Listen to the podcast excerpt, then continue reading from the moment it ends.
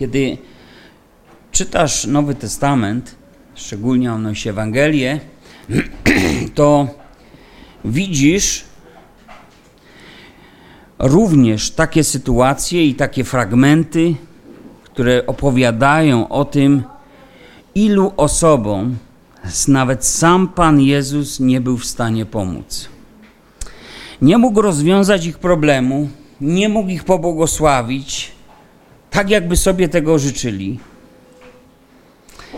I to jest tak, że kiedy myślimy o tamtych czasach i porównujemy ze swoimi, to wydaje nam się, że tamci ludzie mieli Pana Jezusa, a więc wszystko było łatwiejsze.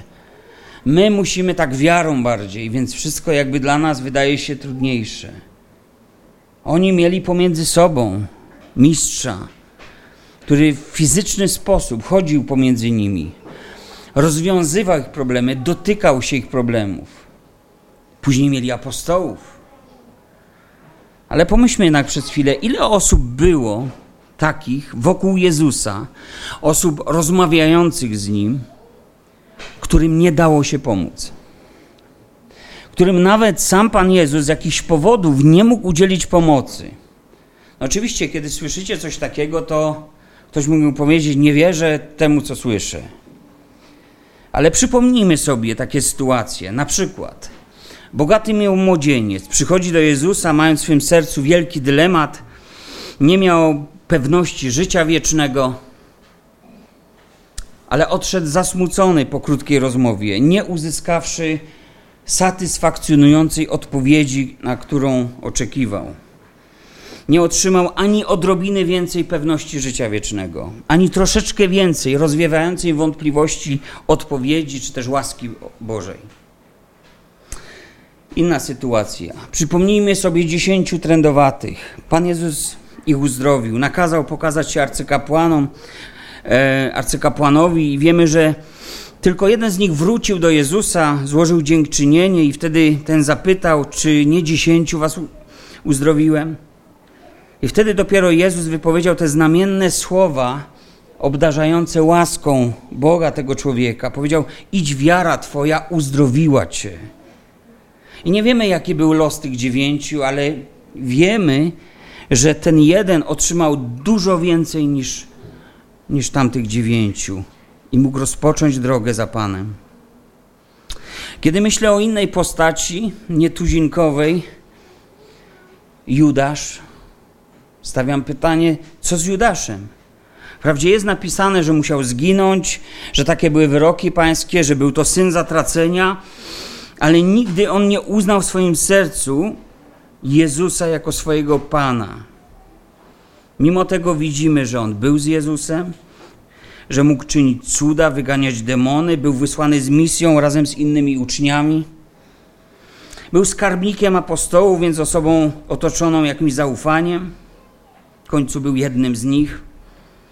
A jednak ostatecznie dał posłuch diabłu i jego serce omotał szatan. I obecność Jezusa wydaje się, że niczego nie nauczyła go. Słuchanie tak wielu kazań na nic nie wpłynęło. Na nic mu się to nie przydało.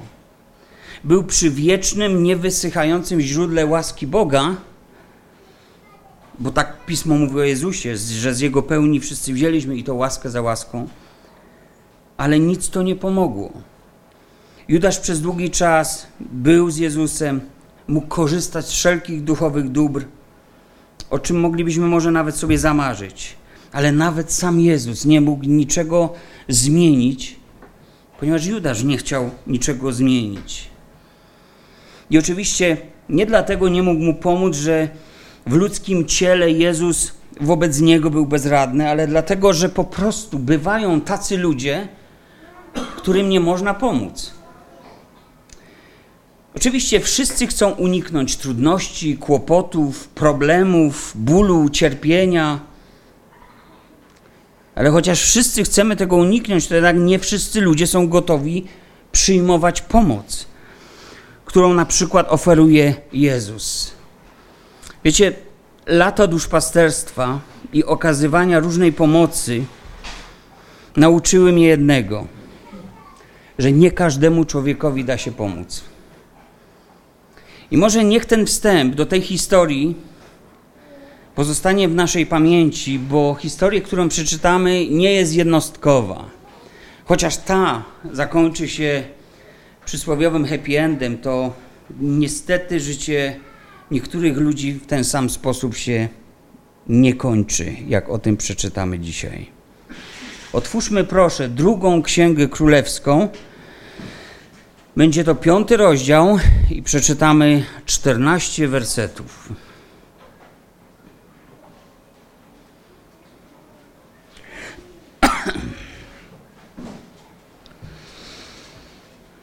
Druga księga królewska, piąty rozdział. Anaman, dowódca wojsk króla Aramu, był mężem znamienitym u swego pana i wielce poważanym, gdyż przez niego pan dał zwycięstwo Aramowi. Lecz choć tak potężny rycerz, mąż ten nabawił się trądu. A gdy raz Aramejczycy wyruszyli na upieszczą wyprawę, uprowadzili z ziemi izraelskiej małą dziewczynkę, która usługiwała żonie na Amana. Pewnego razu rzekła ona do swojej pani: Ach, gdyby to mój pan zetknął się kiedy z prorokiem, który mieszka w Samarii, to by go wnet uleczył z trądu. Wtedy Naman poszedł i oznajmił to swojemu panu. Tak, a tak, mówiła dziewczynka, która pochodzi z ziemi izraelskiej. Król Aramu odpowiedział: Więc jedź tam, ja zaś poślę list do króla izraelskiego. Wyruszył tedy, wziąwszy ze sobą dziesięć talentów srebra, sześć tysięcy złotych monet i dziesięć szat na zmianę. Przyniósł więc list do króla izraelskiego tej treści. Gdy ten list dotrze do ciebie, to wiedz, że to ja wysłałem do ciebie na Amana, mojego sługę, abyś go uleczył z jego trądu. Lecz gdy król izraelski przeczytał ten list, rozdał swoje szaty i rzekł: Czy ja jestem Bogiem, aby śmierć zadawać i życiem obdarzać? Że tamten przysyła do mnie, abym uleczył człowieka z jego trądu? Zastanówcie się tylko i zobaczcie, czy nie szuka zaczepki ze mną. A gdy do Elizeusza, męża Bożego, dotarła wieść, że król izraelski rozdarł swoje szaty, posłał do króla i kazał mu powiedzieć: Dlaczego rozdarłeś swoje szaty? Niech tamten przyjdzie do mnie i dowie się, że jest prorok w Izraelu. Przybył tedy na Aman ze swoimi końmi i ze swoim powozem i stanął przed drzwiami domu Elizeusza. Wtedy Elizeusz wysłał do niego posłańca z takim poleceniem: Idź i obmyj się siedem razy w Jordanie, a twoje ciało wróci do zdrowia i będziesz czysty. Na to Naaman oburzył się i odchodząc powiedział: Oto myślałem sobie, że wyjdzie, stanie przede mną, potem wezwie imienia Pana Boga swojego, podniesie swoją rękę nad chorym miejscem i usunie trąd. Czy rzeki damasceńskie, Abana i Parpar nie są lepsze od wszystkich wód izraelskich? Czy nie mogłem w nich się obmyć i oczyścić? Potem odwrócił się i odszedł, pałając gniewem. Lecz słudzy jego przystąpili do niego i przemówili tak: Ojcze, gdyby prorok nakazał ci coś trudnego, czy nie uczyniłbyś tego? Tym bardziej więc powinieneś to uczynić, gdy ci powiedział: Obmyj się, a będziesz czysty. Poszedł więc i zanurzył się w Jordanie siedem razy według słowa męża Bożego. A wtedy jego ciało stało się znowu czyste, jak ciało małego dziecięcia. Wtedy powrócił do męża Bożego wraz z całym swoim orszakiem, a przyszedłszy tam stanął przed nim i rzekł: Oto teraz wiem, że nie ma na całej ziemi Boga, jak tylko w Izraelu. Może dotąd w treści dalszej rozpoczyna się jakby troszkę inna historia. Przypatrzmy się więc temu Namanowi. Wiemy, że był nietuzinkową postacią, dowódca wojsk Aramu. Aram wtedy, jeszcze to będzie trwało za panowania kilku królów, miał zwierzchnictwo nad ziemiami okalającymi, między innymi takie zwierzchnictwo miał nad Izraelem. Przez niego sam Pan, przez tego Namana czytamy, sam Pan dawał zwycięstwo Aramowi. Był to mąż poważany, znany w kraju. wyróżniający się pośród wielu innych ludzi będących na służbie u króla. No i w treści mamy również tą dziewczynkę, o której tu czytamy. To było dziecko porwane podczas jednej z takich łupieszczych wypraw do Izraela. A zatem Naman to nie był przyjaciel Izraela. To był ktoś, kto przewodził wrogiej armii i napadał na Izraela. Jeszcze kilku królów do przodu patrząc na historię i znajdziemy również Jonasza, który nie chce iść do Damaszku, dlatego że wie, że Bóg jest Bogiem łaski i miłosierdzia i woli, żeby ci wrogowie przeklęci zginęli pod sądem Bożym. Trudno mówić o relacjach jakichkolwiek między Aramem a Izraelem. Naman zachorował. I było to zaskoczenie. To była dość niezwykła sytuacja e, w tamtym czasie. Ludzie mogli dziwić się tym. Przecież tak silni, znamienici wojownicy no, nie chorują na trąd. Trąd był wówczas epidemią dosięgającą ludzi raczej schorowanych, y, osłabionych, niedożywionych, głodujących. Wśród niewolników mógłby się szerzyć, ale nie wśród ludzi zdrowych. A więc nabawił się również gdzieś, jakby w cudzysłów to weźmy przypadkowo, trądu. I ta dziewczynka, która była niewolnicą i służyła żonie Namana, widząc bezradność swojego pana, powiedziała: Jest prorok w Izraelu. No więc Naaman, dowódca wojska, usłyszał, że jest ratunek w Izraelu i poszedł z tą wieścią do króla, a król dał mu żelazny glejt, pewien list, z którym miał pójść. A więc spróbujmy się odnaleźć w tej sytuacji. On był człowiekiem, który napadał, łupił, palił, grabił, rabował domy izraelskie brał do niewoli. Jaki to musiał być też dramat rodziców, gdy ktoś zabrał ich dziecko i nie wiadomo, gdzie ono teraz jest i co się z nim dzieje. I to właściwie jest pierwszy powód, dla którego ten człowiek powinien tam nie pójść. Powinien się zatrzymać, no bo był przecież bandytą, napadał na domy, porywał dzieci, rabował, zabijał, niszczył. Czy ktoś taki powinien się udać do Izraela i tam szukać pomocy? Pomocy u ludu, który ma zapisane oko za oko, krzywda za krzywdę? Czy Naman powinien się zjawiać w Izraelu bez eskorty, bez obstawy, bez jakiejkolwiek wielkiej hordy wojowników? I spójrzmy, że tak na zdrowy rozsądek nie powinien tam nigdy pójść. Ale wiemy, że poszedł, bo poszedł szukać nadziei. Sytuacja była bardzo poważna patrząc na jego życie. Chociaż miał powody, żeby nigdy nie przekroczyć Izraela w ten sposób, to poszedł. I widzimy, że idzie sam, właściwie z kilkoma sługami. Nie idzie w ukryciu. Wysłano oficjalny list do króla izraelskiego, by wszyscy wiedzieli, że ktoś taki przychodzi po ratunek. Naman mógł przypuszczać, że być może ktoś napluje mu w twarz, ktoś go przeklnie, że usłyszy jakieś straszne słowa pod swoim adresem. Mógł nawet przypuszczać, że ktoś podejmie próbę zamachu na jego życie w akcie zemsty, albo po prostu ludzie będą ratowali się ucieczką, słysząc, że Naman jest w pobliżu, myśląc, że to jakiś fortel, jakaś zasadzka, że niby idzie sam, ale za nim cała horda. I myślę, że ten człowiek podjął wtedy wielkie ryzyko, by szukać szukać rozwiązania swojego nierozwiązywalnego problemu. I tu zaczyna się jego droga pokory, pomimo niesamowitej pozycji, jaką zajmował w swoim kraju. Rozpoczyna się droga pokory w życiu Namana. Poszukuje pomocy.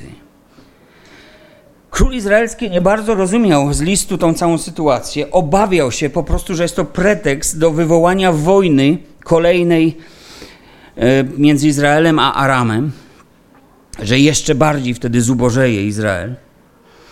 I czytamy, że rozdarł on szaty swoje i usłyszał o tym cały kraj, również prorok Elizeusz.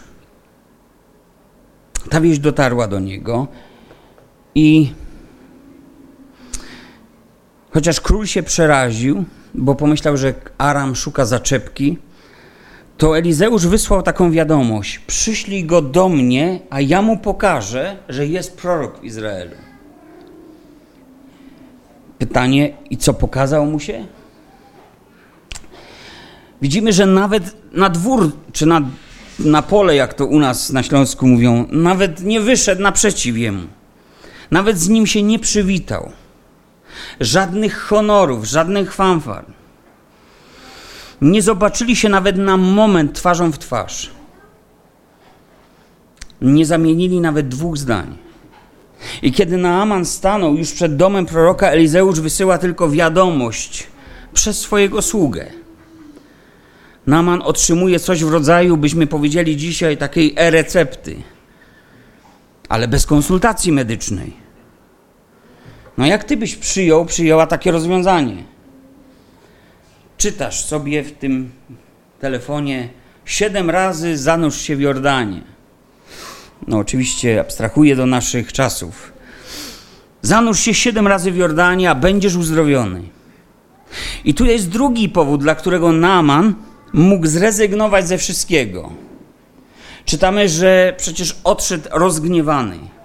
Nie podobała mu się ta propozycja proroka. Był zawiedziony całą tą sytuacją. Zobaczcie, tyle drogi w niepewności, tyle podjętego ryzyka, tyle wyrzeczeń, takie upokorzenie, a tu coś takiego na koniec. Naman więc mówi: Oto myślałem sobie, że wyjdzie, stanie przede mną, potem wezwie imienia Pana Boga swego, podniesie swoją rękę nad chorym miejscem i usunie trąd. Tak sobie na marginesie pomyślałem, no Naman chyba Biblię czytał, skoro taką procedurę tutaj chciał nad sobą mieć. Może ta dziewczynka opowiadała mu, jak to się odbywa w Izraelu, no ale skąd mogła wiedzieć? Przecież Biblia mówi, to jest to Ewangelia Łukasza, 4 rozdział, 27 wers, Biblia mówi, że było wielu trędowatych w Izraelu za Elizeusza, proroka, a żaden z nich nie został oczyszczony, tylko Naman Syryjczyk. Dziewczynka też nie mogła wiedzieć, jak to się odbywa. Więc skąd to się wzięło w głowie, e, w głowie Namana? Nie wiemy, ale wiemy, że miał takie wyobrażenia. Może inne choroby w ten sposób uzdrawiali prorocy. A zatem Naaman zdenerwowany, rozgniewany tymi niespełnionymi swoimi oczekiwaniami, wyobrażeniami, które miał w sercu, pewnie myślał, w jakimś Jordanie mam się maczać? Tej brudnej rzeczy mam się umyć? Czy nie ma koło Damaszku lepszych rzek, czystszych, górskich, żeby tam obmywać swoje rany? Bo rzeczywiście Jordan, do dzisiaj jest rzeką mętną, zamuloną, i Naman pałał gniewem, już wracając właściwie. No bo Jordan raczej był taką rzeką graniczną, a więc on wraca. I wiecie, jak to jest z gniewem. Człowiek, który gniewa się, a nie może wylewać swojego gniewu, to zostaje sam ze swoimi myślami i to się w nim wszystko kotłuje. Ale na szczęście miał mądre sługi, i wtedy oni przystąpili do niego z niezwykłym szacunkiem, wręcz jak z jajkiem, do niego ojcze. Zaczęli go przekonywać. Może to wyglądało tak, a co ci zależy? A nie denerwuj się. Gdyby prorok kazał ci zrobić coś trudnego, no to zrobiłbyś to. A zobacz, tu jest coś prostego. Tym łatwiej powinno ci to przyjść, gdy prorok powiedział coś prostego: wejdź, obmyj się, a będziesz czysty powinieneś tym bardziej spróbować. Bo co jeśli nie spróbujesz? Nigdy nie dowiesz się, czy ta recepta po prostu nie mogła cię wyzwolić z twojego problemu. Nigdy nie dowiesz się, czy nie mogło ci to przynieść uzdrowienia. Nie wiemy, czy długo, czy krótko ci słudzy go przekonywali. Mamy właściwie jedną wypowiedź. Czy go naciskali, czy go błagali i prosili. Padły słowa po prostu idź i obmyj się, a będziesz czysty.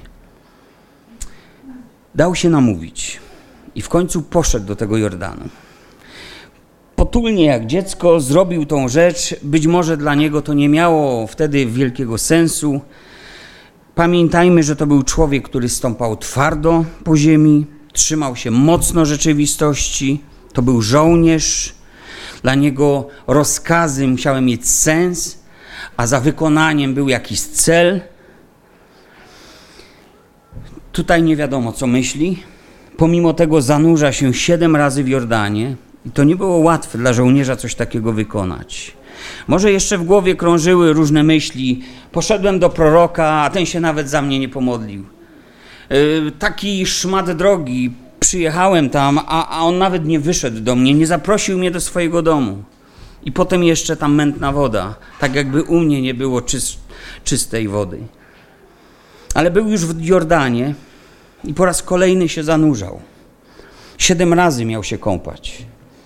Jestem ciekaw, co sobie myślał po szóstym razie, gdy nie widział najmniejszej oznaki zmiany swojego położenia. To najprawdopodobniej odbyło się w ten sposób, że siedem razy musiał powtarzać tą samą procedurę: wejść do wody, zanurzyć się i wyjść. Bo zanurzania często miały pewien rytualny przebieg. To nie chodziło o to, żeby się rzucić gdzieś do wody i siedem razy ciach, ciach, ciach, ciach, ciach, ciach, ciach i wyjść. To wszystko musiało być wykonane dokładnie. Znane są przypadki siedmiokrotnych obmywań ze starożytnego Babilonu, więc to wszystko musiało się odbyć w jakiejś, jakiejś procedurze, z jakimś nabożnym szacunkiem. Naban przynajmniej sześć razy miał możliwość zrezygnowania, nie widząc najmniejszych oznak poprawy swojego stanu zdrowia czy zmiany na ciele a jednak i siódmy raz zanurzył się i po tym siódmym razie natychmiast zobaczył, co się wydarzyło.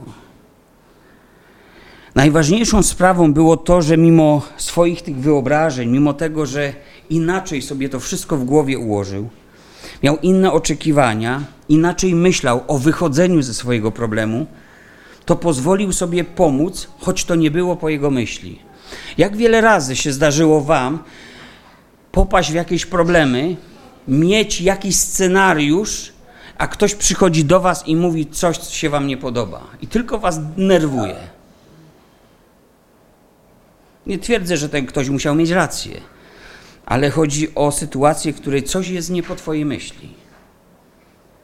Kiedy człowiek może pozwolić sobie pomóc, to najważniejszą sprawą do rozpatrzenia jest wówczas takie zupełne, całkowite oddanie się, posłuszeństwo, pokora, poddanie się pewnej drodze, w tym wypadku woli Bożej, którą Bóg zaproponował ustami tego proroka. Bo pomyślmy sobie, czy nie mogło być inaczej. On już wyobrażał sobie, jak to będzie, że ten prorok pewnie stanie przed nim, wygłosi jakąś formułę, podniesie swoje ręce, dotknie chorego miejsca i to wszystko nagle ustąpi. Nic z tych rzeczy. Nie bez oporu poddał się zupełnie innym myślom, innym propozycjom. I pomyślmy teraz, dla nas też Bóg ma łaskę, Bóg ma też błogosławieństwa, Bóg ma zmiłowanie, Bóg ma dla niejednej osoby uzdrowienie, Bóg ma dla nas to, co jest potrzebne do życia, to, co jest potrzebne do pobożności. Bóg to wszystko ma. Ma dla nas wszystko, co jest darem niebios. Przecież Biblia mówi, że ubłogosławił nas wszelkim błogosławieństwem nieba. Ale czasem wielu rzeczy z tych, o których czytamy, nie ma w naszym życiu. A nie ma, bo może bywa tak, że Bóg nie jest w stanie nam pomóc, bo my oczekujemy tej pomocy na swoich warunkach, na swoich zasadach, według swoich reguł, według swoich wyobrażeń i nie ma w nas takiej krzty pokory, wyjrzenia poza swoje scenariusze, poza swoje sposoby myślenia. To trochę tak jak na drodze do Emaus. Uczniowie wydawało się im, że jest pozamiatane już trzy dni, bo Jezus umarł i koniec tej, tej całej idylii, tych wszystkich marzeń. Jezus z nimi rozmawiał, nie wiedzieli. Wkrótce potem napomniał ich, i powiedział: Macie gnuśne serca, to znaczy na tak ociężałe, że nie jesteście w stanie wyjść poza własny punkt myślenia. Po prostu dwóch egoistów na drodze do Emaus. I żrą się, i żrą się, i rozczarowanie w nich narasta. Wiecie, że uczniowie rywalizowali, walczyli ze, ze sobą bo myśleli tylko, kto będzie po prawej, kto będzie po lewej stronie. Mieli te szczyty na myśli, a oto po prostu trzy dni i już jest po wszystkim. Bóg ma wszystko dla nas. Niesamowite rzeczy. Ale jest jeszcze ta nasza natura. No ja się przed nikim nie będę płaszczył, bo przecież ja mam swoją godność. Ja jaką godność miał Naman? A jak jego godność była potraktowana w Izraelu? My też mamy czasem takie mniemanie o sobie i ono jest w stanie nas zabić. I nie mówię tego tak z powietrza. Znam człowieka, który umarł z powodu pychy. W akcie zgonu oczywiście nie napisano, że umarł, bo pycha go zabiła. Nie napisano, że umarł, bo dyskutował z lekarzem, bo miał inne zdanie. Nie napisano, że umarł, bo zakwestionował diagnozę. Nie napisano, że umarł, bo odrzucił leczenie. Nie napisali, że umarł na pychę. Napisali po prostu, że umarł na tą chorobę, na którą chorował. Pycha jest w stanie zabić człowieka. To nasze ego. I w przypadku Naamana, wiecie, zadziałaby dwie rzeczy, że on wziął to uzdrowienie. Pokora i posłuszeństwo. A Bożą wolą było wtedy, aby ten Naman został uzdrowiony. Będą jeszcze o nim mówić w Nowym Testamencie. Myślę, że w naszym przypadku jest dokładnie tak samo. Kluczem do otrzymania wielu łask Boga, błogosławieństwa jest to, byśmy od początku do końca byli w pokorze naszemu Panu posłuszni. Dzisiaj może jest nam dobrze. Przyszliśmy tu, lekka była droga, żadnych problemów, ale nikt nam nie zagwarantuje, że jutrzejszy dzień będzie taki sam. I co wtedy? księdze Michała czytamy: Oznajmiono ci człowiecze, ty już o tym wiesz, człowieku, co jest dobre i czego Pan żąda od ciebie. Tylko abyś wypełniał prawo, okazywał miłość bratnią i w pokorze obcował ze swoim Bogiem. Są ludzie, drodzy, którym nawet sam Pan Jezus nie był w stanie pomóc. Są ludzie, może nawet pośród nas, którzy mają szeroko otwarte drzwi do jakiejś łaski Boga, do rozwiązania jakiegoś problemu, do objawienia się w ich życiu chwały Boga, do osiągnięcia jakiegoś rozwoju, może w swoim życiu, w swoim wzroście, w swojej służbie, ale nie pozwalają sobie pomóc. Wieszcie czemu? Poprzez brak pokory, poprzez własne nieposłuszeństwo, poprzez własne drogi, własne wyobrażenia i własne oczekiwania. A ja myślałem, to wybrzmiewa Czasem nie chcemy stracić niczego w oczach innych. Czasem trzeba by się obnażyć i pokazać, w jakim naprawdę miejscu jest nasze życie, że mam problem, że potrzebuję pomocy, modlitwy, uzdrowienia. No ale nie, gra jest warta świeczki. Judasz nie pozwolił sobie pomóc. No i tak poteoretyzujmy na chwilę. Gdyby przyszedł do Pana Jezusa po tej swojej zdradzie, gdyby naprawdę go szukał, gdyby odnalazł go gdzieś, choćby na dziedzińcu, choćby przed krzyżem w czasie jego męki, i po, gdyby powiedział: Panie, odpuść mi moją winę. Ja wiem, jak wiele zła uczyniłem. Ja wiem, że byłem złodziejem. Ja wiem, że miałem swoje wyobrażenia. Ja wiem, że cię zdradziłem w najgorszy ze sposobów pocałunkiem, jak przyjaciel przyjaciela. Przebacz mi, daj mi jeszcze jedną szansę. Jak myślicie, co Jezus by zrobił, gdyby coś takiego się wydarzyło? Ja osobiście nie mam wątpliwości, że przebaczyłby. A czymś, że się różniła zdrada Piotra? Może powiemy, była mniej wyrafinowana, ale była to zdrada i to trzykrotna.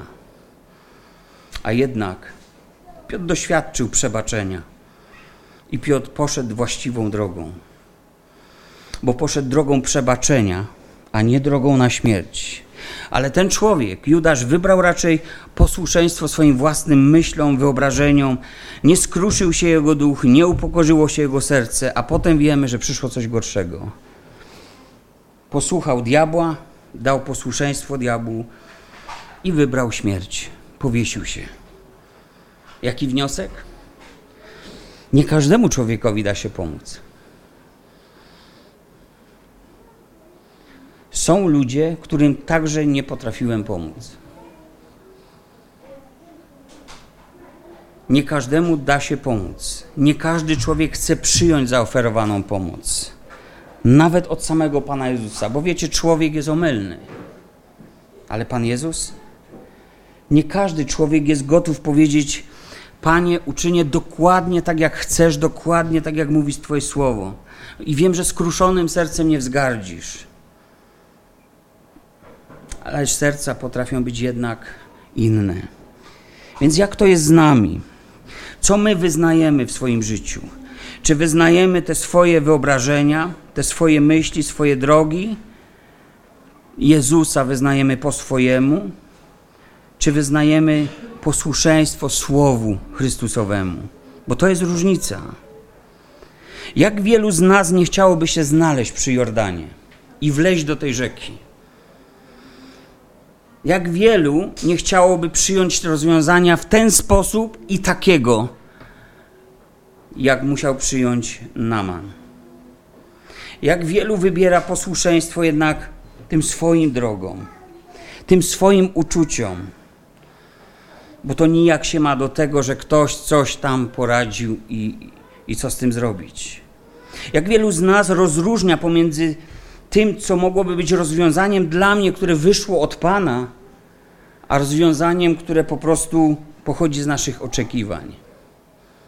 Nie dość, że i tak nie możemy kroku zrobić, by osiągnąć to, co sami sobie czasem umyślimy, to jednak ciągle jesteśmy gotowi odrzucać Boże rozwiązania. A tu czytam o Namanie, o jego posłuszeństwie, o jego poddaniu, o jego oddaniu, o jego uniżeniu serca. I wiem, że chociaż to był człowiek hardy, żołnierz z krwi i kości, to jednak po prostu dał się przekonać. Dał sobie powiedzieć. Człowiek zawsze decyzję jakąś podejmuje. Bardzo często jest tak, że kiedy mamy jakiś problem, kiedy potrzebujemy pomocy, kiedy jest ważna do podjęcia decyzja, to albo wybieramy Boże rozwiązania i stajemy się częścią tych Bożych rozwiązań, tego co Bóg czyni, albo stajemy się częścią problemu, który nigdy nie do końca, wiecie, nie zostaje do końca rozwiązany w naszym życiu. Wiem, jak to dziwnie brzmi, kiedy słyszymy, że można stać się częścią swojego problemu. Ale pomyślmy przez chwilę o zjednoczeniu się ze swoim problemem. Jak można się zjednoczyć ze swoim problemem? Przecież każdy szuka wyjścia z problemu. Ludzie jednak potrafią zjednoczyć się ze swoim problemem tak dalece, że staje się najważniejszą myślą, treścią ich życia i w konsekwencji sami są takim chodzącym problemem, taką bombą zegarową, która nie wiadomo kiedy wybuchnie jeszcze bardziej ciągle spijają gorzkość owoców swoich wyborów, swojej drogi. Żeby nie być gołosłownym, historia również z Biblii. Biblia mówi o kobiecie, nazywała się Tamar. Była córką Dawida. Coś strasznego stało się w jej życiu. Została zgwałcona przez swojego brata Amnona. Kobietą nie jestem, by w pełni zrozumieć dramat tej całej sytuacji ale jak się to czyta, to ma się wrażenie, że kiedy czytamy tą historię, to możemy zobaczyć, że w życiu tej kobiety wydarzyło się później coś o wiele gorszego. Druga księga Samuela, 13 rozdział o tym mówi. Tam czytamy, że i zamieszkała Tamar rozgoryczona i samotna w domu Absaloma swojego brata. I tam pozostała aż do śmierci. Ktoś, komu ufała, zachował się jak bandzior, zhańbił ją. I po tym strasznym, traumatycznym przeżyciu jeszcze gorsza rzecz się dzieje. Tamar tak utożsamiła się ze swoim problemem i tak zaczęła na siebie patrzeć, że do końca swoich dni jest rozgoryczona i postanawia żyć w samotności, w oddzieleniu. I zastanawiam się, czy musiało stać się tak w jej życiu czy nie było nikogo, kto mógłby jej pomóc? Czy też może ona tak daleko zjednoczyła się ze swoim przeżyciem, ze swoimi emocjami. Tak głęboko to zaczęła przeżywać, każdego dnia na nowo odtwarzać, że stała się sama częścią tego problemu. I odrzuciła może jakąkolwiek kierowaną do niej pomoc. Pewnie mamy pytania, czytając to, które nigdy nie znają odpowiedzi. Ale my sami też przeżywamy różne rzeczy, przeżywamy to w różny sposób, to swoje życie. Są ludzie, niestety są, którzy zawsze lubują się w swoich wyobrażeniach. Wyobrażają sobie pewne rzeczy, jak wyobrażał sobie je Naman. I kiedy przeżywamy, kiedy przeżywasz cokolwiek, to nasza wyobraźnia zawsze uczestniczy w tym. I snuje różne scenariusze, snuje różne podejrzenia, różne obawy. Może stać się dla nas ta nasza wyobraźnia największym wrogiem, jakiego mamy. Ta nasza wyobraźnia może podpowiadać nam takie rzeczy, które doprowadzą nas do samego dna goryczy. Ta nasza wyobraźnia może sprawić, że będziemy przeżywali na nowo ten sam problem, jak gdyby to się wydarzyło wczoraj. Będziemy przeżywali jakieś zdarzenia, jakieś zachowania ludzi, i w naszych sercach stanie się to tak bardzo wyolbrzymione, tak przejaskrawione, że będziemy, nie będziemy widzieli dla siebie już żadnego wyjścia, żadnego rozwiązania. I w związku z tym to spowoduje też jakieś decyzje, jakieś zachowanie, które zjednoczą nas z naszym problemem, aż zdominują nas zupełnie pewne przekonania, które sprawią, że staniemy się dalecy od Bożego rozwiązania. Pomyślmy o tym, że można stać się dalekim od Bożych rozwiązań. Naman coś sobie wyobrażał. A zobaczmy, jakie pokonał trudności. Pokonał wiele sytuacji, które być może go zniechęcałyby, gdyby się poddał tym swoim myślom. W końcu zagniewany mówi: Nie będę tego robił. Nie tak sobie to wyobrażałem. Gdy sam siebie upokorzyłem, szukając pomocy w Izraelu, to co innego. Ale doświadczyć od innych upokorzenia, nie, tego nie mogę znieść, tego nie zniosę. I właśnie dlatego ten gniew. Dlatego nie umiał sobie z tym poradzić. A wiemy, że Biblia uczy nas, że gniew człowieka nie czyni u niego to, co dobre. Naman powiadał, ja sobie wyobrażałem, że on to zrobi tak, tak, a siak, że się pomodli, że mnie zaprosi do swojego domu, że porozmawia. Nie zamienił ze mną nawet jednego zdania twarzą w twarz. Kazał mi iść do Jordanu. Wystawił mi e-receptę. Spójrzmy, nie przypuszczał, że było w tym Boże rozwiązanie. Jeszcze jeden przykład. Tak, ostatnie dwa lata rzeczywiście obfitowały w różne rozmowy na tematy, których nawet nie spodziewałbym się. I zauważyłem, że często te Boże rozwiązanie dla osób, które miały jakiś problem, które przeżywały coś w sercu, które szukały drogi dla siebie, te rozwiązania były w zasięgu ręki. Te rozwiązania były proste, nie za daleko, nawet były łatwe do wykonania, powiedziałbym. Ale niektórzy jednak z tych moich rozmówców wybierali źle. Wybierali źle, bo nie mogli sobie poradzić ze swoją wyobraźnią, ze swoim punktem widzenia. A to podsuwało coś innego. Bo człowiek, gdy brnie w jakiś problem, co może trwać nawet, słuchajcie, latami, to wychodząc z tego problemu, chce to w tydzień załatwić. Chce to mieć załatwione od tak, od pstryknięcia. I ciągle człowiek szuka łatwiejszych dróg, takich na skróty, bez wysiłku, bez uniżenia, bez posłuszeństwa, bezproblemowych. Ludziom nie da się pomóc, jeżeli nie są skłonni uniżyć się i pomóc samym sobie. Ludziom nie da się pomóc, jeżeli nie wybiorą Bożych rozwiązań, a w miejsce tego swoje. A rozwiązania, które pochodzą od Boga, mogą wydawać się nam banalne, czasem dziwne, niezbyt skuteczne, wzięte z księżyca, bo Bóg każe mi robić dziwne rzeczy. Kiedy Mojżesz został powołany na proroka, to mamy niesamowite rozdziały, które o tym mówią. Niesamowite spotkania z Bogiem. Jozue, który wychował się przy Mojżeszu i który może myślał o powołaniu, a jednocześnie bał się takiej odpowiedzialności, to mógł pomyśleć, że to też przyjdzie w sposób niesamowicie spektakularny. Że go przekona, że go zaopatrzy, że go posili, że go napełni, że go wyposaży. A wiecie, jak to się stało? Chodź tu do mnie. Ty wprowadzisz ten lud tam. I, I to wszystko? Panie Boże, żadne sztuczne ognie, żadna jakaś cudowna sytuacja temu nie towarzyszy? Nie. Nie bój się, bo Pan będzie z Tobą. Pięć razy to potem usłyszał. Nasze wyobrażenia. Jakże często oddzielają nas od Bożych odpowiedzi. I wiecie, w posłudze duszpasterskiej czasem byłem świadkiem sytuacji, gdy, gdy człowiek tonął i wystarczyło podać mu dłoń. Zaproponowałem coś prostego, oczywistego. Z wiarą wystarczyłoby. Ja nie mówię o uzdrowieniu strądu tutaj. Takim cudotwórcą nie jestem, ale Bóg wszystko może.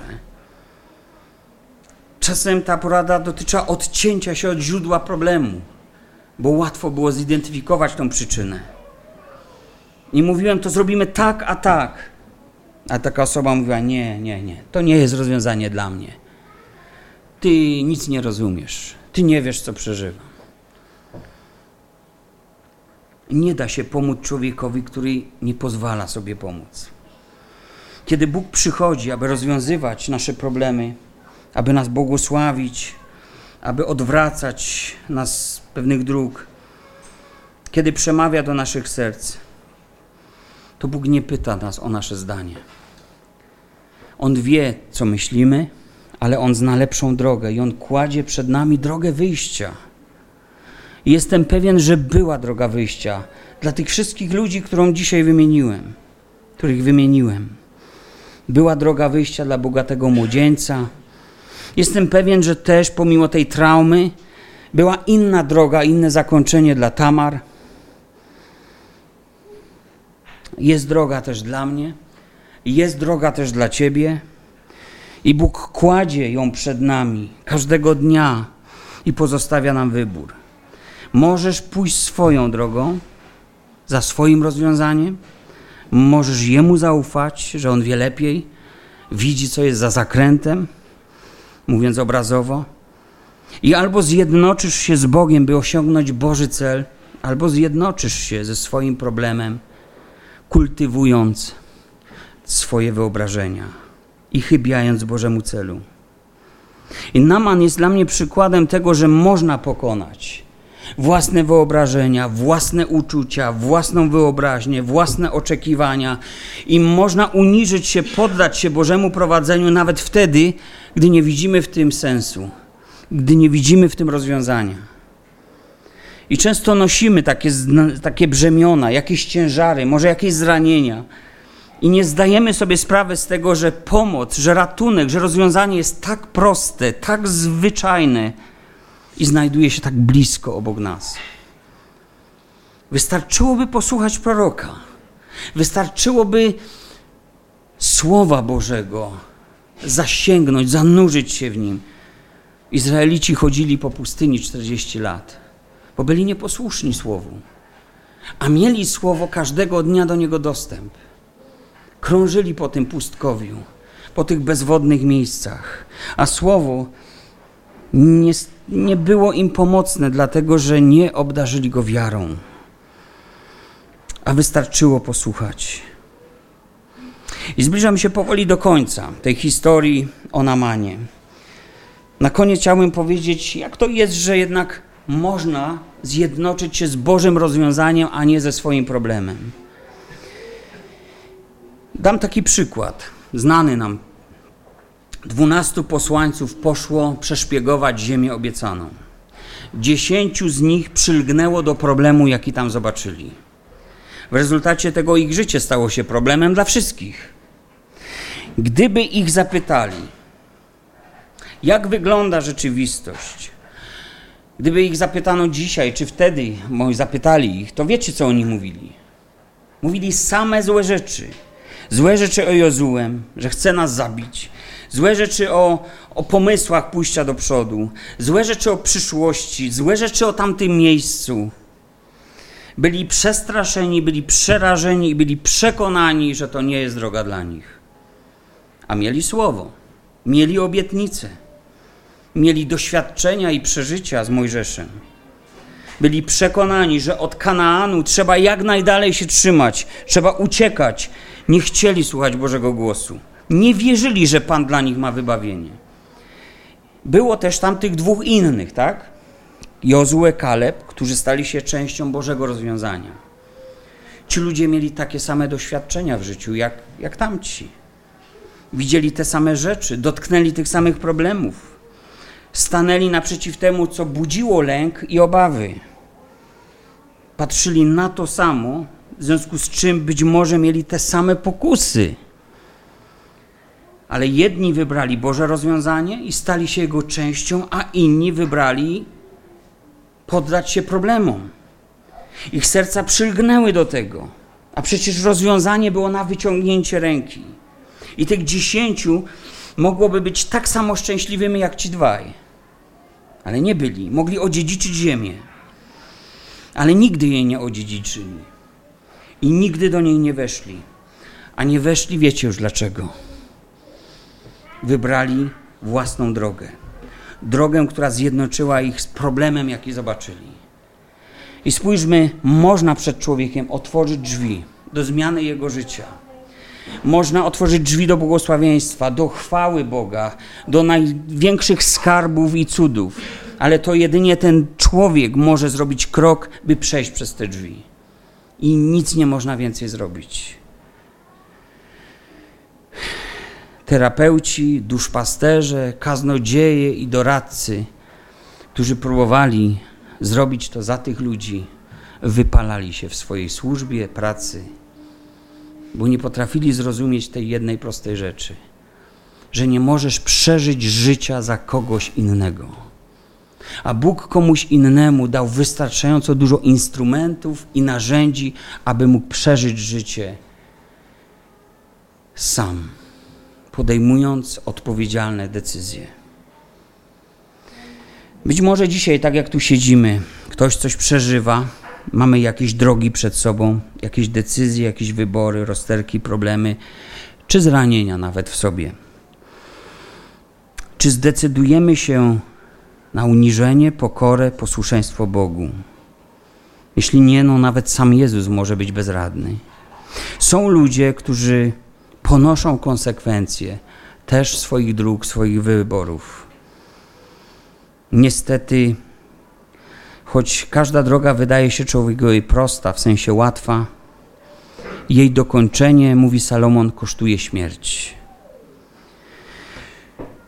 Czy jest tu może ktoś, kto nie wierzy, że tak jest? Ostatni fragment. To jest z Ewangelii Mateusza, 22 rozdział. Zaledwie kilka wersetów przekonuje nas o tym, że to nie są tylko słowa. 22 rozdział.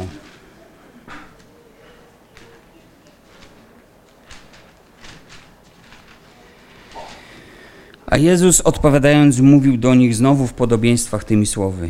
Podobne jest królestwo niebios do pewnego króla, który sprawił wesele swemu synowi. Posłał swe sługi, aby wezwali zaproszonych na wesele, ale ci nie chcieli przyjść. Znowu posłał inne sługi, mówiąc: Powieźcie zaproszonym, oto ucztę moją przygotowałem, woły moje i bydło tuczne pobito i wszystko jest gotowe, pójdźcie na wesele. Ale oni, nie dbając o to, odeszli, jeden do własnej roli, drugi do swego handlu. A pozostali, pochwyciwszy jego sługi, znieważyli i pozabijali ich. I rozgniewał się król, a wysławszy swe wojska, wytracił owych morderców i miasto ich spalił. Wtedy rzecze sługom swoim: Wesele wprawdzie jest gotowe, ale zaproszeni nie byli godni. Powiedzcie, co zrobilibyśmy, gdybyśmy od swojego Pana usłyszeli takie zaproszenie? Stoły zastawione, bydło pobite, wszystko gotowe, przyjdźcie na wesele. Możemy sobie tylko wyobrazić, kiedy tak Bóg, Bóg mówi, to ma na myśli takie wspaniałości trudne do wyobrażenia.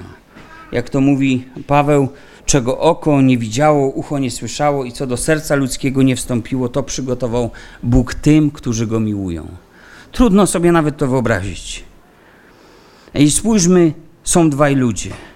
Jeden odszedł do własnej roli i zajął się tym, co robił zawsze. Pytanie, czy król chciał go pobłogosławić? Tak, tylko ten człowiek nie chciał. Drugi poszedł do swojego handlu. Czy Bóg chciał go pobłogosławić, bo ten obraz króla to obraz Boga? Chciał, ale ten człowiek też wybrał źle. A inni jeszcze gorzej wybrali. Kiedy przyszli słudzy, składali zaproszenie tego samego króla, ci najpierw znieważyli ich, potem pozabijali. I wtedy rozgniewał się ten król i powiedział: To ja was chciałem pobłogosławić, to ja was chciałem zaprosić do wesela, do czegoś niesamowitego.